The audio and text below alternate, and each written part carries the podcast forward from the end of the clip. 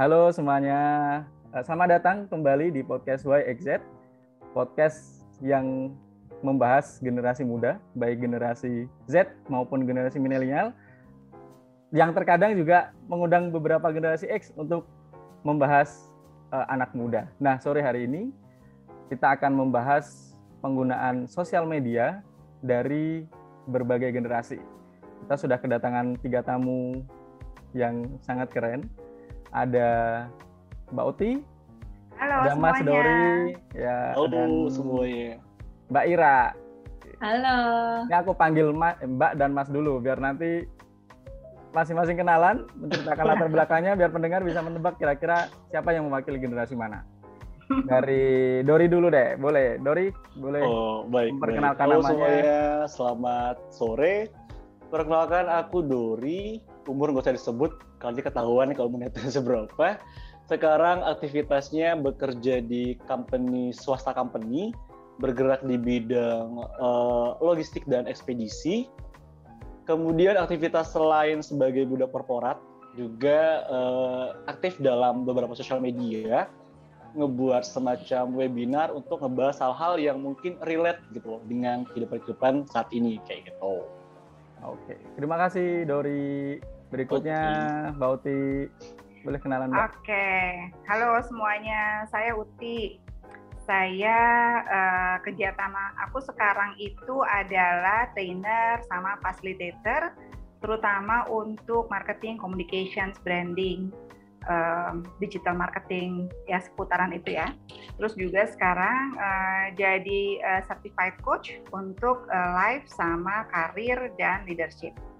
Pengalamannya lumayan eh, di korporasi. Oh nggak boleh nyebutin berapa lamanya ya? Ketahuan Boleh, ya. boleh, boleh Kawan juga ya? Mbak. nggak apa-apa oke pokoknya udah dua digit ya pengalamannya di korporasi terus kemudian makanya dari situ eh, melebarkan sayap ke eh, human resource development karena saya sangat percaya semua orang itu punya potensi dan semua orang harus dibantu untuk menggali potensinya jadi kira-kira gitu deh gambarannya saya gitu Mas Edo Oke, terima kasih Mbak Uti, menarik background-nya. Nanti bisa sharing-sharing uh, terkait background-nya dengan konteks tema kita hari ini. oke Ira, silakan. Kak Ira, halo Mbak Ira. semuanya, ini uh, bisa pagi, siang, sore, malam ya. Jadi halo aja, general.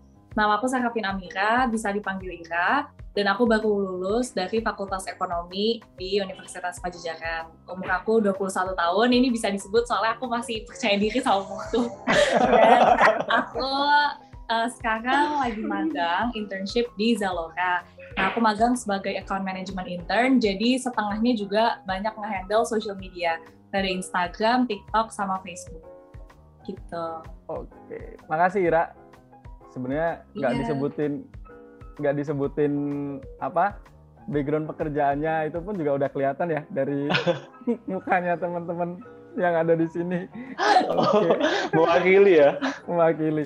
Oke, eh, teman-teman semua, hari ini eh, kita kedatangan perwakilan dari tiga generasi. Tadi Dori itu dari generasi Z, generasi milenial, kemudian ada Mbak Uti mewakili generasi X dan ada Ira yang mewakili generasi Z. Nah, eh, hari ini Mbak Uti, eh, Ira dan Dori kita akan ngobrolin terkait penggunaan media sosial gitu. Nah, eh, sejak kapan Mbak Uti atau Ira dan Dori menggunakan media sosial? Dan apa ya waktu pertama kali menggunakan media sosial media sosialnya apa gitu? Kemudian sekarang jadi media sosial apa aja? Eh, aku pengen karena paling penasaran dengan Mbak Uti Mbak Uti dulu deh boleh ya dari zaman dinosaurus nih kayaknya gue udah mulai. iya, em, pertama kali tuh punyanya hmm, Yahoo Messenger dong, ya. Nah, Yahoo Messenger itu dulu buat urusan kerjaan. Oh, sebelum Yahoo Messenger dulu punyanya email. Dulu kan ada tuh grup, aduh aku lupa ada namanya. Pokoknya lewat email ada grupnya gitu. Nah, itu buat ngumpulin teman, buat ngumpulin teman kuliah, teman eh, teman kerjaan gitu. Terus habis gitu kita bisa punya Yahoo Messenger, tapi semuanya masih diinstal di laptop waktu itu ya. hmm. Untuk urusan Terus uh, Facebook pertama kali ada di Indonesia kita udah punya dong karena kan uh, selain untuk personal personal apa uh, urusan ya itu juga untuk kerjaan karena kan yang namanya orang branding, orang marketing kan harus tahu harus tahu tren terkini gitu ya. Jadi hmm. waktu itu ya ikutan uh, buka Facebook segala macam untuk tahu brand bisa ngapain sih di situ gitu. Tapi yang utama adalah dulu tuh yang paling kita sangat uh, signifikan adalah eh bisa ketemu teman SD di Facebook. Nah jadi waktu itu kita nggak mau nambah temen tapi kita lagi nyari temen kalau kita ke, Facebook dulu tuh ya mungkin beda sama anak zaman sekarang. Kalau kita tuh dulu ngumpulin temen yang yang yang sempat hilang, nah itu lewat sosial media. Nah, nah itu kan berkembang berkembang berkembang terus uh, karena saya orang marketing, jadi saya sekarang uh, lumayan punya Facebook, Instagram. Dulu ada pet kan, nah itu juga pet saya ikutan juga tuh ya.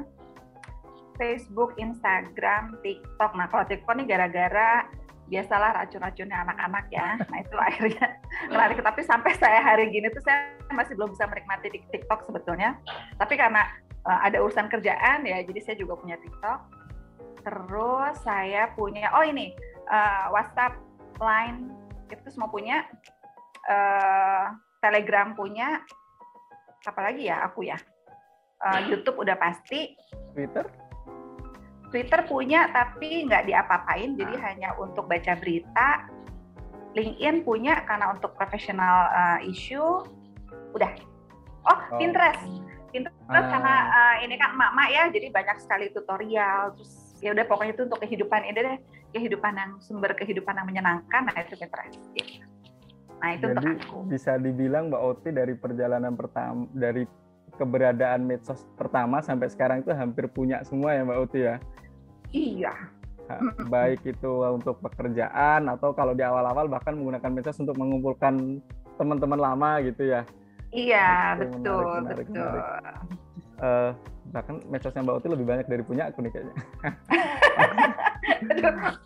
Ini gue boleh oh. bangga apa enggak ya? Makasih Mbak Uti. Dan jadi penasaran kalau Amira gimana ya Mira? Ira, Ira. Ira kapan uh, aku, pertama punya medsos? Aku tuh pertama punya medsos SMP karena waktu SD nggak boleh nyentuh. Eh, aku udah punya Facebook tapi cuma buat main Pet Society. Jadi hmm. dibolehin tapi uh, restricted gitu. Jadi di lock untuk uh, buka-buka sosmed yang lain kecuali main Pet Sos. Pasti yang angkatan aku tahu sih kalau waktu zaman-zaman Facebook keluar terus in di kalangan angkatanku itu pasti mainnya Pet Sos terus yang mainan-mainan Facebook gitu karena baru banget kenal sama game paling sama kayak games.co.id gitu kan waktu itu terus uh, itu pertama pertama tuh aku punya Facebook sama Yahoo Mail. Terus uh, itu itu pun aku punya pertama kali kelas 6 SD jadi udah agak gede lah. Walaupun sebenarnya kalau dilihat lagi postingan aku dulu ya malu-malu juga gitu. Sebenarnya anak kampus gitu harusnya jangan pakai sosmed karena pasti malu. Terus uh, habis itu move ke sosmed lain itu baru waktu SMP nah SMP uh, orang tua aku sih menganggap udah kayak oh ya udahlah cukup bijak untuk pakai sosmed asal uh, diawasin gitu. Jadi aku tetap cerita ke orang tua aku kayak aku ketemu ini di uh, Twitter, aku ketemu ini di Instagram gitu. Nah itu uh, udah boleh dan aku udah mulai pakai. Nah setelah Facebook itu aku pakai Twitter. Waktu itu juga uh, zamannya Twitter terkenal banget waktu aku SMP. Nah kalau Ibu Uti tadi uh, pakai sosmed bocah lama, kalau aku dan kalanganku dan Gen Z aku pokoknya aku dan teman-temanku justru malah kayak mencari eksistensi dan teman-teman baru menurutku di sosmed. Karena aku sendiri juga waktu itu ya udah semua teman aku di sekolah punya terus kita saling follow-followan. Terus somehow waktu itu yang punya followers banyak tuh yang paling keren. Jadi kita kayak uh, ngejar temenan sama artis sama orang-orang keren gitu. Sebelum ada istilah panjat sosial gitu. Tapi ya dulu sort of like that lah. Kayak anak-anak SMP SMA pakai Twitter, Instagram. Zaman dulu ya sama sih sebenarnya untuk kayak mencari jati diri dan eksistensi gitu. Makanya kita uh, gimana pun caranya ngikutin what is cool and what is the trend what is the trend right now gitu. Nanti kita bisa lihat di Tumblr. Zaman dulu ada Tumblr, tapi orang tua nggak main. Aku tahu Tumblr isinya anak-anak uh, itu kita highly influenced by uh, white people banget lah Americans gitu kayak kayak estetik estetik yang kayak zodiak zodiak gitu. Nah itu juga dimainin waktu SMP gitu. Terus uh, setelah Twitter dan Tumblr terus main yang namanya Polyfor ada. Itu mungkin cuma beberapa anak doang sih yang tahu. Itu fashion fashion gitu. Jadi kayak kita bikin majalah fashion gitu-gitu. Itu uh, ada namanya Polyfor sempat ngehits juga. Terus baru masuk ke Instagram. Dulu Instagram aku inget banget uh, interface-nya itu bener-bener cuman buat ngepost, nge-like sama activities doang gitu. Jadi ya secara function juga emang sebenarnya cuma buat ngasih tahu daily activities kita tuh apa sih gitu. Nggak ada tuh brand deals shopping dan lain-lain kan yang aku inget gitu. Dan aku juga sebenarnya salah satu pemakai pertama Instagram karena waktu Instagram ada aku udah cukup gede juga kan main gitu. Jadi perjalanan sosmedku sih itu sampai sekarang yang aku pakai ya semuanya masih aku pakai dengan fungsi yang beda-beda masing-masingnya. Dan sekarang itu aku paling aktif banget Twitter, Instagram karena harus juga karena kerjaanku dan uh, TikTok. Hmm. sama Pinterest juga karena aku juga uh, banyak terinspirasi gitu dari Pinterest. Gitu. Ada beberapa medsos yang baru aku tahu nih ya. Menarik. Ira kalau itu yang ABG doang yang tahu. Iya iya iya. Ira kalau yang dipakai sekarang uh, boleh disampaikan nggak penggunaannya untuk apa aja? Saat ini. Penggunaannya uh, untuk kalau misalkan in general yang aku lihat sih tadi aku sempat baca juga kan aku udah tahu nih bakal ditanya apa terus aku sempat baca juga kalau persentase paling besar di Gen Z itu buka sosmed untuk uh, shopping inspiration. Jadi kayak TikTok tuh ada hashtag racun TikTok gitu kan. Terus uh, influencer-influencer tuh sekarang juga pada pakai kayak hashtag racun Cimon gitu. Itu ada satu influencer. Kayak mereka tuh mengklaim dirinya dan orang-orang pun juga emang ngikutin apa yang mereka beli gitu. Dan ternyata itu kayak 97% Gen Z buka sosmed untuk uh, cari tahu barang-barang yang lucu apa, yang lagi trending apa, itu mereka buka sosmed. Terus di bawah itu mereka untuk cari entertainment. Gitu itu kalau secara general. Dan aku pun kalau ngelihat pribadi sendiri aku buka sosmed ya juga yang sama. Kecuali aku nggak shopping karena uh, aku tuh kayak baju bikin sendiri apa apa bikin sendiri di rumah. Jadi uh, selain shopping kayak untuk entertainment terus untuk aku uh, pamerin hal-hal yang udah aku bikin di rumah yang seru-seru ya aku pergi ke sosmed dan kalau untuk kerjaan kan aku juga di fashion industry. Jadi kalau fashion industry kan deket banget sama media juga kan. Kayak tren terus uh, apa apa yang lagi hits. Karena itu juga tujuannya kan untuk si konsumen tuh shopping shopping gitu. Jadi aku harus tahu nih apa yang si konsumen tuh lagi suka gitu. Yang lagi jadi racun tuh apa. Jadi makanya aku uh, lihat TikTok lihat Instagram gitu aktif di situ. Kalau Twitter buat curhat aja curhat curhat dan beropini gitu menarik gitu. menarik menarik. Kalau Dori gimana Dor? Ini jadi penasaran nih. Jadi tiga generasi ya. Dori kalau generasi X X sama Y ketemu Z beda ya uh, gaya bahasanya beda uh, pemahamannya beda gitu ya. Menarik banget Sera keren banget buat anak-anak generasi Z. Kalau aku mungkin nggak jauh beda dari Mbak Uti dan sedikit agak ke Sera kayak gitu loh. Aku pertama kali pakai sosmed itu uh, sama kayak Mbak Uti Yahoo Messenger tapi bedanya aku pakai di warnet karena belum punya laptop waktu itu. Jadi balik sekolah SMP kita suka ke warnet buat sekedar chattingan doang nih sama stranger entah dari siapa. Tujuannya waktu itu buat mencari teman gitu loh. Buat mencari banyak teman, buat menemukan link-link baru waktu itu. Pokoknya kalau ketemu teman baru tuh menyenangkan ya zaman-zaman SMP dulu. Uh, bergeser di SMP juga di akhir aku tetap ada namanya itu dulu ada sempat eksis Friendster. Kalau teman-teman pernah main uh, Friendster itu pernah eksis di zamannya. Aku pikir Rimba itu juga pernah eksis deh. Yes. Friendster yang keren banget yang uh, kita komen hari ini baru di replay besok gitu loh. Karena nggak bisa online waktu itu ya kalau di Friendster ya. Interface-nya yeah. beda. Nah kemudian uh, naik SMA kelas 1 itu 2007 uh, mulai ada Facebook 2007 akhir Facebook ya. Ikutan Facebook juga dengan tujuan yang sama seperti di generasi Z nih kalau Z tadi kan tujuannya buat uh, eksistensi, buat mencari teman baru, uh, kurang lebih sama kayak gitu gitu loh. Jadi menemukan orang-orang baru juga, lingkungan baru juga. Itu di zaman SMA waktu itu Facebook happening banget ya. Apa-apa curhat. Kalau di zamanku aku masih ketik uh, status pakai huruf ke kecil gede, huruf angka yang kayak gitu-gitu. Pasti semua ngerasain deh kayak. Kemudian di zaman kuliah waktu itu udah mulai ada Instagram ya, tapi aku belum aktif di Instagram waktu itu karena oh aku di kuliah aktifnya waktu itu di uh, Twitter karena Twitter tuh sama kayak Sarah bilang tempat curhat atau tempat sambat ya kita bisa jadi apa aja bisa uh, ngomong apa aja tanpa orang-orang tuh uh, se-circle kita nyambung gitu loh. Kalau kita sambat di situ, emang tepatnya sambat tuh kayaknya di Twitter gitu. Kemudian pindah ke Twitter, baru main uh, Instagram itu 2015 waktu itu. Mulai uh, tahu Instagram, kemudian tujuannya juga sama kayak Sera untuk uh, eksistensi juga untuk menunjukkan uh, apa yang kita pakai sekarang. Kemudian lagi nongkrong di mana, kayak gitu-gitu ya. Uh, locationnya kayak pet juga main di zaman kuliah, uh, di zaman setelah kuliah main pet juga. Sekedar eksistensi ketika itu.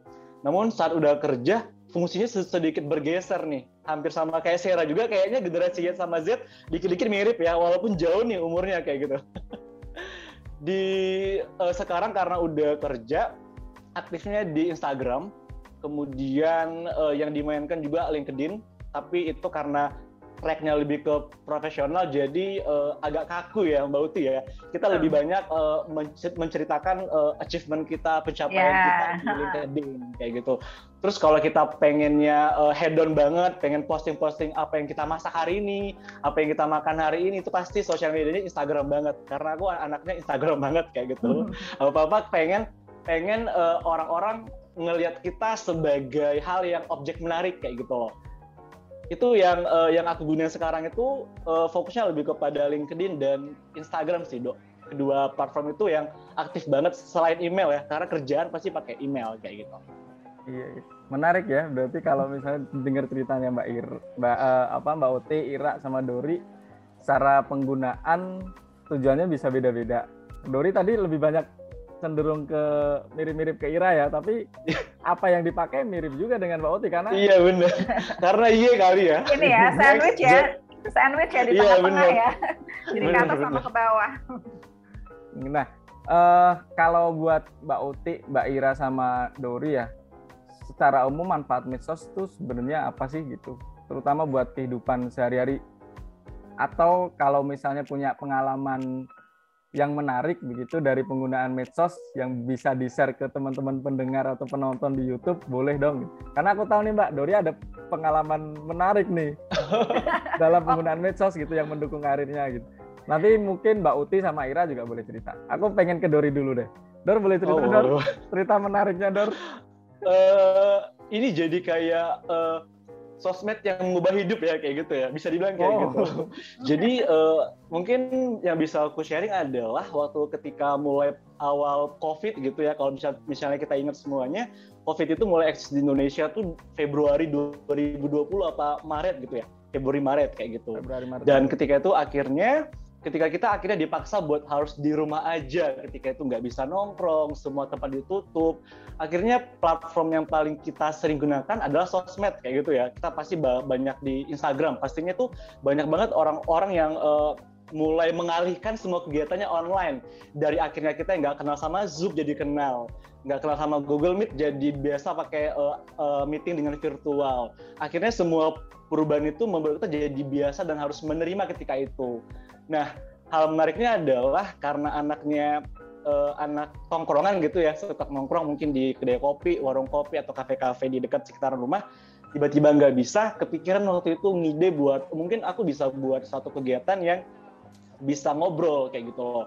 Akhirnya coba ketika itu pakai uh, live di Instagram yang kemarin aku pernah ceritakan, kita uh, aku buat kegiatan namanya Subnet jadi setiap hari Sabtu malam Minggu aku bakal uh, live streaming ngebahas apa pun kayak gitu. Tujuannya adalah aku mau jadi wadah buat orang-orang bisa ngobrol apa pun. Nggak di nggak dibatasi temanya apa bebas. At the end of the day uh, berjalan beberapa bulan beberapa bulan akhirnya aku ingat aku pernah streaming dengan tema public speaking waktu itu. Aku cari narasumbernya di LinkedIn, aku approach via uh, eh, DM LinkedIn, kemudian dia bersedia datang. Tahu-tahu nih pas hari hanya aku streaming atasannya si temanku yang aku undang buat narasumber ini hadir di situ. Dia tuh general manager di kantorku sekarang GM kemudian dia nonton di situ aku juga tidak tahu dia nonton. Setelah streaming selesai dia uh, nge-DM aku buat menawarkan pekerjaan jadi uh, kenapa aku bilang sosial media tuh merubah pekerjaanku? Karena kita tuh nggak tahu gitu loh platform apa yang kita gunakan tapi selama kita menggunakan dengan hal baik dan fungsinya positif itu bakal impact ke kita juga kayak gitu loh.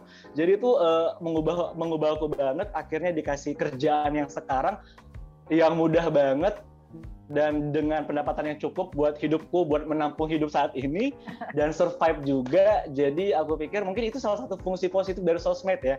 Ketika kita um, memakai sosmed dengan hal yang baik mungkin uh, balik ke kita atau orang-orang yang mungkin menikmati sosmed itu sendiri kayak gitu. Gitu sih kurang lebih.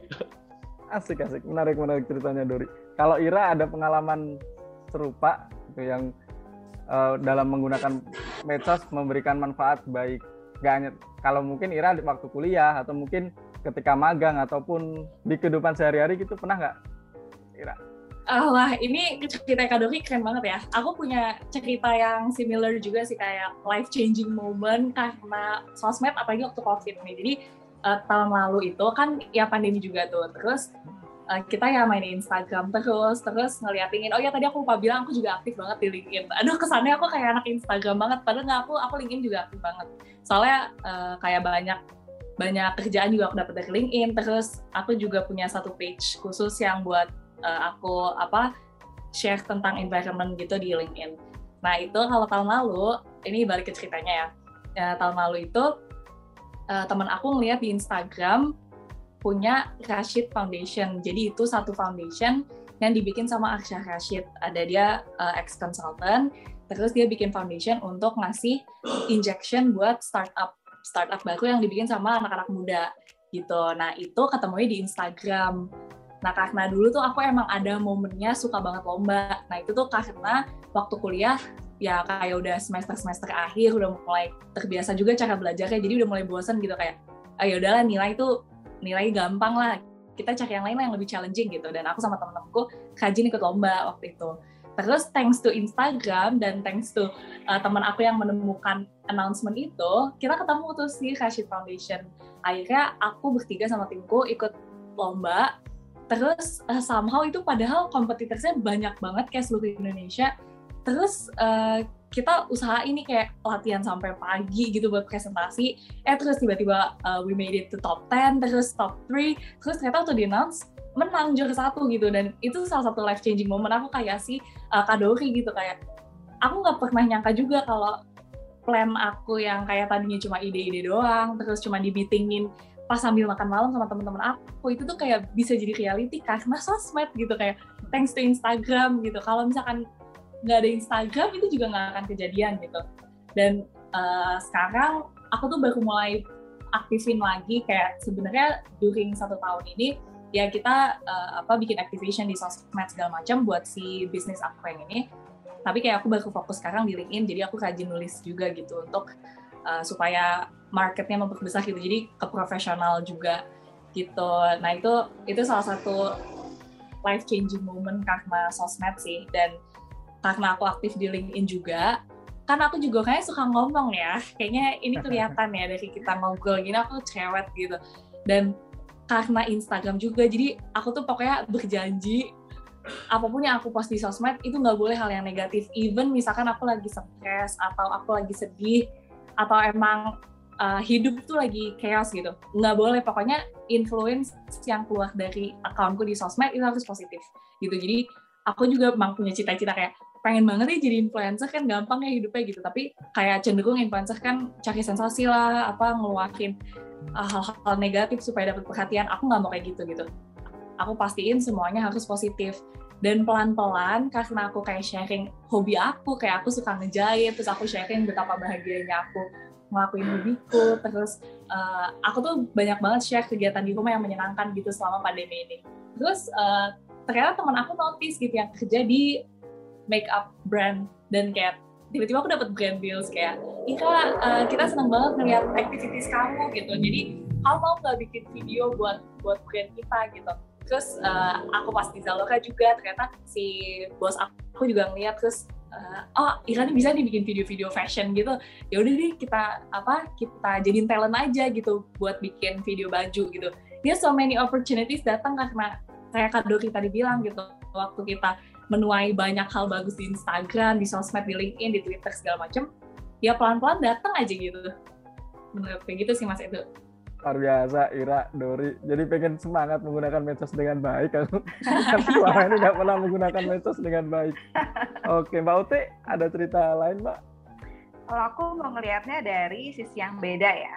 Hmm. Kalau mungkin karena dari pengaruh kerjaan juga medsos itu adalah salah satu cara yang bisa melihat sistem kontrol gitu ya. Nah, jadi nanti uh, mungkin untuk generasi-generasi di bawah itu juga perlu diperhatikan. Nah, tadi Ira bilang itu juga benar ya. Jadi kita nih sebagai leader di sebuah company, kebetulan saya lama sekali ada di management position, di mana uh, keputusan untuk menerima pekerja, apa menerima pegawai segala macam itu dipengaruhi besar oleh sosmed. Ya, jadi uh, dulu nih dulu ya di, uh, lima tahun yang lalu gitu ya kalau kita menerima pegawai itu kita ada tes tertulis, kemudian kita juga interview, itu cukup. Kalau sekarang ada tes tertulis, ada interview, terus kemudian semua HR pasti akan membuka sosmednya. Mereka akan bicara apa di sosmed. Nah, itu gunanya sosmed buat saya. Jadi itu adalah salah satu cara untuk kita melihat dia itu suka nyampah apa enggak sih gitu. Kecenderungan nyampah itu beda. Ada orang yang dia bekerja di perusahaan A, kemudian di sosmednya dia maki-maki perusahaan A. Nah itu kan kalau buat saya sebagai penerima pekerja, saya udah pasti nggak akan hire orang itu, ya.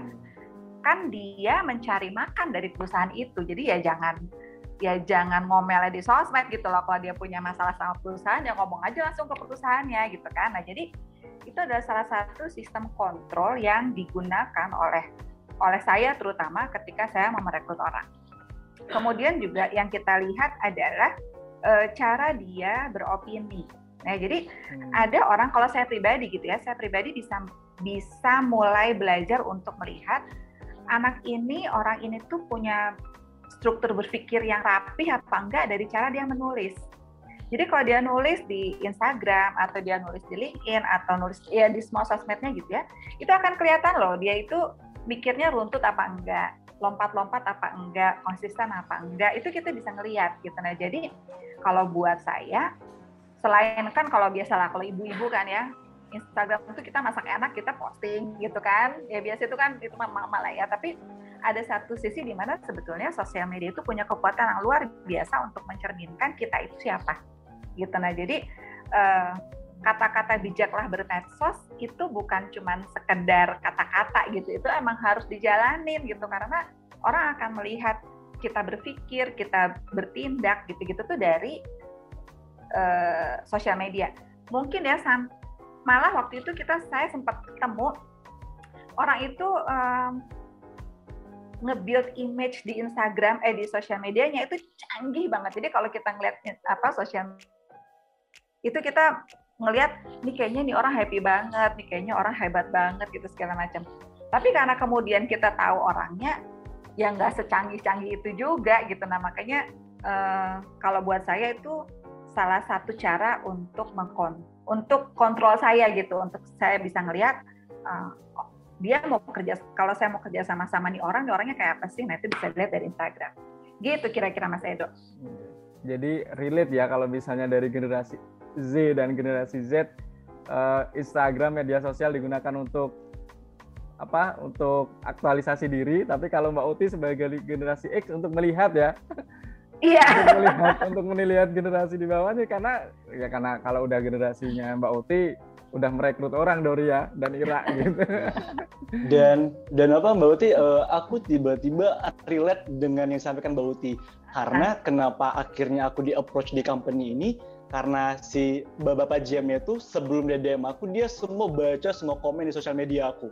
Semua nah. postingan aku di LinkedIn chat-chatnya aku komen-komennya replay di Instagram statusku dia baca semuanya bu. Hmm, dan uh, setelah dia baca baru dia approach aku. Dan itu benar nah. aku setuju dengan Bauti tepat sekali wah luar biasa ya kayak kita bisa telepati nih Rory. Dori. Makanya nih tiba-tiba kayak enggak gitu loh karena uh, ketika aku udah di approach di sini dan bekerja aku sempat ngomong berdua kan sama atasnya Pak kok tiba-tiba approach saya dengan posisi waktu itu aku asisten GM waktu itu. Asisten Hmm. GM kemudian gajinya juga lumayan kok aku gitu loh. Dan dia bilang aku itu membaca semua sosial media kamu postingan kamu dari awal kamu posting Instagram di April 2015 dia tuh hafal. Bulannya Wow. dia hafal. Hmm. wow ternyata sosial media ini memberikan dampak ketika kita melakukan hal baik baik yang datang kayak gitu. Luar biasa.